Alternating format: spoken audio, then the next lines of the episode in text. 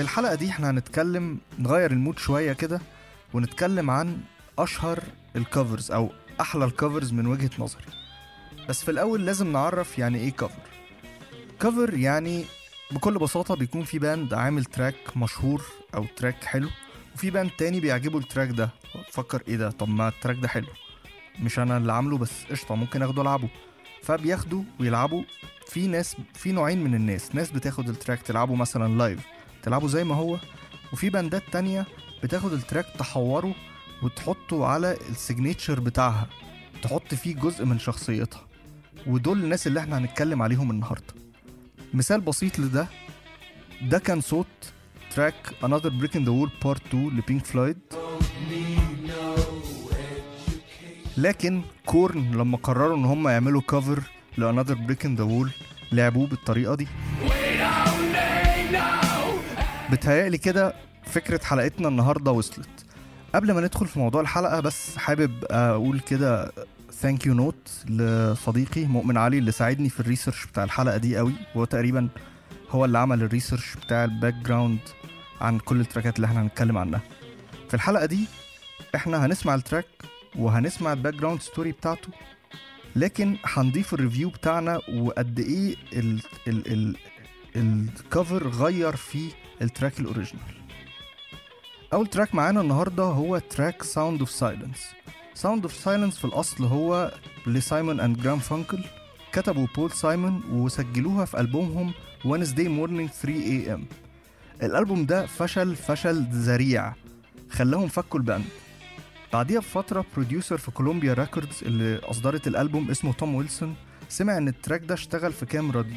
والشباب تفاعلوا معاه. ففي الخباثة كده أخد ال track ووزعه من تاني وزود له شوية electric guitars وظبط تسجيل vocals وكل ده بدون علم Simon and Garfunkel وبلغوهم قبل ما ينزلوا ال track المعدل على طول. المفاجأة بقى إن ال track لما نزل تاني نجح نجاح شديد. وساعتها ناس كتير كانوا فاكرينه بيتكلم عن اغتيال كينيدي لكن Simon قال لهم إنه كتب ال track قبلها بفترة كبيرة قوي. وفكرة ال track إن هو كان بيحب يألف المزيكا بتاعته في الحمام والنور مطفي. عشان كده كان بادئ ال track بجملة hello darkness my old friend ال cover بتاعنا النهارده لاعبينه band Disturbed اللي نزلوا ال track ده في ألبومهم دي هيومنايزد وعلى قد ما هم band صاخب ودوشة لكن هم غيروا في ال track ومع تغييرهم في ال track غيروا في أدائهم كمان عشان يتناسب مع ال track. في ال cover صوت David Draiman إدى ال track عمق أكتر.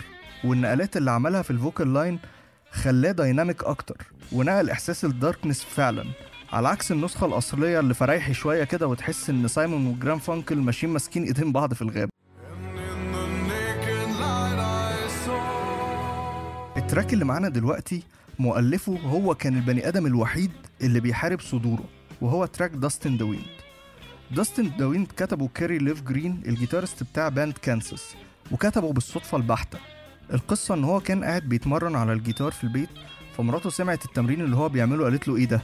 حلو قوي ال line ده طب ما تحطه في track بس هو ما كانش مقتنع إن ال line ده والصوت بتاع ال track ده هيكون مناسب لل band لكن رغم كده Kerry كمل المزيكا وبدأ يكتب كلمات لل track بعد قرايته كتاب Native American poetry الكتاب ده كان فيه جملة كده علمت في دماغه قوي وهي جملة dust in the wind وازاي مبدأ ان كل حاجة في الآخر زائلة وكله رايح على رأي عم ضياء بالظبط.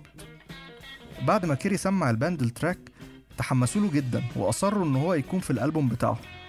ودلوقتي Dust in the Wind هو أنجح track ل Kansas طول ال career بتاعهم ال cover اللي معانا النهارده هو cover ل Dust in the Wind بيلعبوه Scorpions Scorpions لعبوا ال cover ده في ألبوم Acoustica لعبوه live وال cover ميزته إن هو أنا مش عارف أجيبها لكم إزاي بس هو عكس كل اللي قلناه في Sound of Silence Scorpions نجحوا إن هم يوصلوا vibe حلو وأنت بتسمع ال track بس باستخدام نفس الآلات بس مجرد إن هم غيروا ال vocal line وطبعا صوت Klaus Meine والتغيير في ال tone بتاع الجيتارات.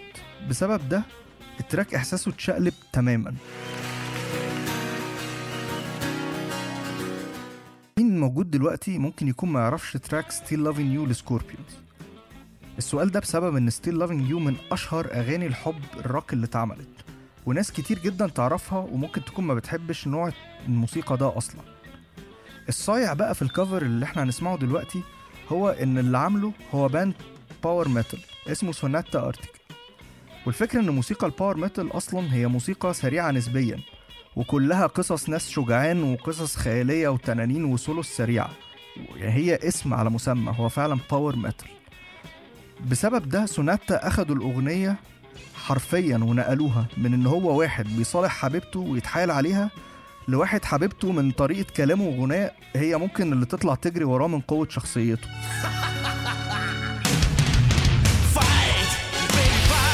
آخر cover في الحلقة النهاردة هو cover الكفرات. اللي أنا لو ما كنتش حطيته في الحلقة كان في ناس هتطلع تقول لي أنت إزاي تعمل حلقة covers وما تحطش Turn the Page Turn the Page في الأصل عملها Bob Seger وكتبها بيحكي معاناة ال musicians أثناء ال tours بتاعتهم ونظرة الناس ليهم. Turn the Page هي في الأصل عبارة عن ساكس وجيتار acoustic بسيط وواحدة واحدة بيدخل معاه keyboards على الخفيف لكن ميتاليكا وحوش الصراحة. أخدوها وقلبوها heavy metal حولوا الساكس اللي في أول ال track ل line جيتار خفيف قوي بيلعبه Kirk Hammett. والجيتار ال acoustic ل riff ب distortion مع vocal line عبقري من جيمس هيتفيلد. وأكتر إضافة جيمس عملها بتكيفني الصراحة في ال track ده هي النفس اللي بياخده قبل ما يقول smoke the day's last cigarette remembering what she said.